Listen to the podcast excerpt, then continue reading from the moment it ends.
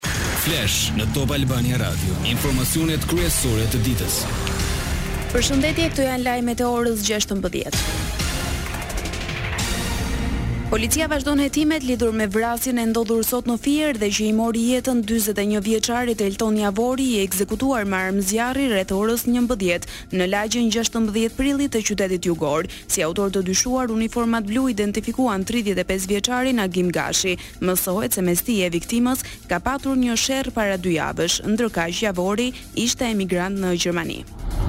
Drejtori i Përgjithshëm i Policisë së Shtetit, Muhamet Rrumbullaku ishte në një konferencë për shtyp për rezultatet e një operacioni kombëtar kundër lojërave të paligjshme të fatit, kur theksoi se brenda një kohe të shkurtër, autori i dyshuar i krimit do të vendoset para drejtësisë.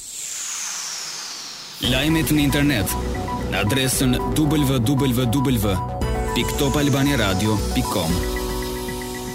Edhe sot Kuvendi u përfshi nga kaosi, buxheti dy mijë e njëzet e katër u miratua nen për nen e në tërësi në vetëm tetë minuta seancë, opozita ndezi tymuese e hodhi kapsolla si dhe grumbulloi karriget në pjesën e foltores për të mos lejuar diskutimet. Deputeti demokrat Ervin Salianji tha se ky votim ishte veprim tinëzar i mazhorancës e sipas tij goditet shtresa e mesme.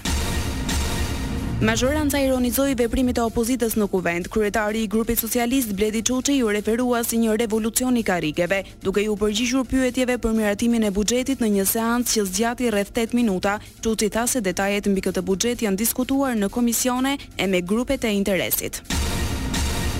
Në Kuvend po përgatitet një rregullore e re që parashikon përjashtim deri në dy muaj për deputetët që shkaktojnë incidente në Parlament, ndezin flakadanë dhe tymuese. Ndërkaq, me një muaj, nëse ushtrojnë dhunë ndaj deputetëve të tjerë, ministrave e punonjësve të Gardës apo dëmtojnë pajisjet.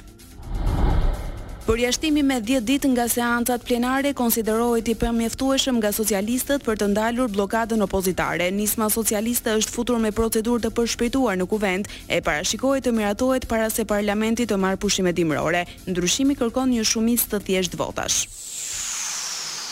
Lajmet në internet në adresën www.topalbaniaradio.com.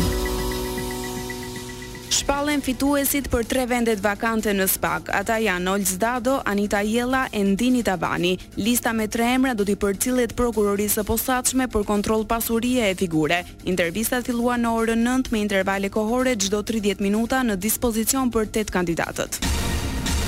Çështja Gërdeci shtyhet për më katërmbëdhjetë dhjetor seanca për Fatmir Mediun. Ish-ministri i Mbrojtjes kërkoi të ishte i pranishëm, por për shkak të punimeve të Kuvendit argumentoi se nuk mundej. Në seancën e radhës për dosjen Gërdeci duhet të paraqiten shtatë dëshmitarë, mes tyre Aldo Bumçi dhe Shkëlzen Berisha. SPAK-u përfundoi hetimet për procedimin penal në ngarkim të ish-kryebashkiakut të Durrësit, Vangjush Dako dhe dhjetë personave të tjerë. Objekt hetimi ishin dy fakte penale, procedura e dhënies së lejes së ndërtimit të një pallati shumëkatësh e plotësimi i dokumentacionit të tij deri në regjistrimin e pasurisë si dhe procedura e prokurorimit shërbim konsulence për sigurimin e një projekti nga Bërryli në Currila. Lajme nga rajoni. I dërguari i Bashkimit Europian për bisedimet Kosovë-Serbi, Miroslav Lajçak tha se ka progres në zbatimin e disa marrëveshjeve të arritura në dialogun mes palëve. Lajçak e tregoi këtë gjatë një debati për zgjerimin të organizuar në Bruksel nga organizata Miqtë e Europës. Lajçak theksoi se e ardhmja europiane e rajonit të Ballkanit Perëndimor nuk mund të shihet as në ëndërr pa normalizimin e raporteve Kosovë-Serbi. Interpoli lëshoi urdhër arrest për ish-nënkryetarin e Listës Serbe, Milan Radoiçiç, lidhur me sulmin e armatosur në Banjskë më njëzet e katër shtator. Radoiçiç mori përgjegjësinë për ngjarjen e dy muajve e gjysmë më parë në këtë fshat të Zveçanit, ku grupe të armatosura serbësh sulmuan policinë e Kosovës duke vrarë rreshterin Afrim Bunjaku. Lajme nga bota. Senati amerikan bllokon shpenzimet urgjente përmes të cilave do të ofroheshin miliarda dollarë ndihma për Ukrainën e Izraelin. Republikanët kërkuan masa më të ashpra për të kontrolluar emigracionin në kufirin me Meksinë. ksikën. Dyzet e nëntë senatorë votuan në favor e pesëdhjetë e një kundër duke e lënë masën prej njëqind e dhjetë pikë pesë miliardë dollarësh me më pak se gjashtëdhjetë votat e nevojshme në Senatin me njëqind anëtarë. Votimi u bë bazuar në linja partiake me çdo republikan të Senati që votoi kundër së bashku me senatorin Bernie Sanders një i pavarur që përgjithësisht voton me demokratët. por ai ka shprehur shqetësime për financimin e asaj që e quan strategji çnjerëzore ushtarake të Izraelit kundër palestinezëve. Me një video lidhje presidenti ukrainas Zelensky bisedoi me udhëheqësit e G-shtatës. Ai tha se Moska po shpreson për krisje në unitetin e vendeve perëndimore vitin që vjen. Presidenti amerikan Biden dhe kryeministri britanik Sunak thanë se mbeten të përkushtuar për të mbështetur Ukrainën. Komentet vijnë mes frikës se mbështetja perëndimore mund të zbehet pasi Kievi po bën përparim të kufizuar në fushën e betejës.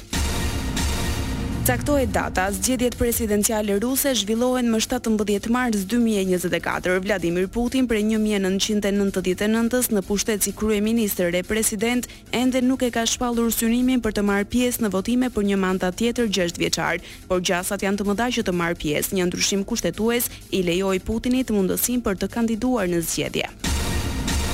Gjermania po përjeton një valë infeksionesh nga virusi sincicial i frymarrjes. Në raportin javor për sëmundjet akute të frymarrjes, Ministria e Shëndetësisë deklaroi se vala aktuale filloi më njëzet nëntor. Fëmijët nën moshën dy vjeç janë kryesisht të prekur nga shtrimi në spitale në shtetin gjerman. Parashikimi i motit. Për sot në vendin tonë do të dominojë mot me vranësira mesatare e të dendura shoqëruar me reshje shiu. Në Alpe si dhe në relievet malore, në verilindje e në juglindje bie dëborë. Temperaturat variojnë nga minus 1 në 11 gradë Celsius. Këto ishin zhvillimet kryesore të orës 16, edicioni i radhës është në orën 17, unë jam Armilda Methasani. Kjo është Top Albania Radio.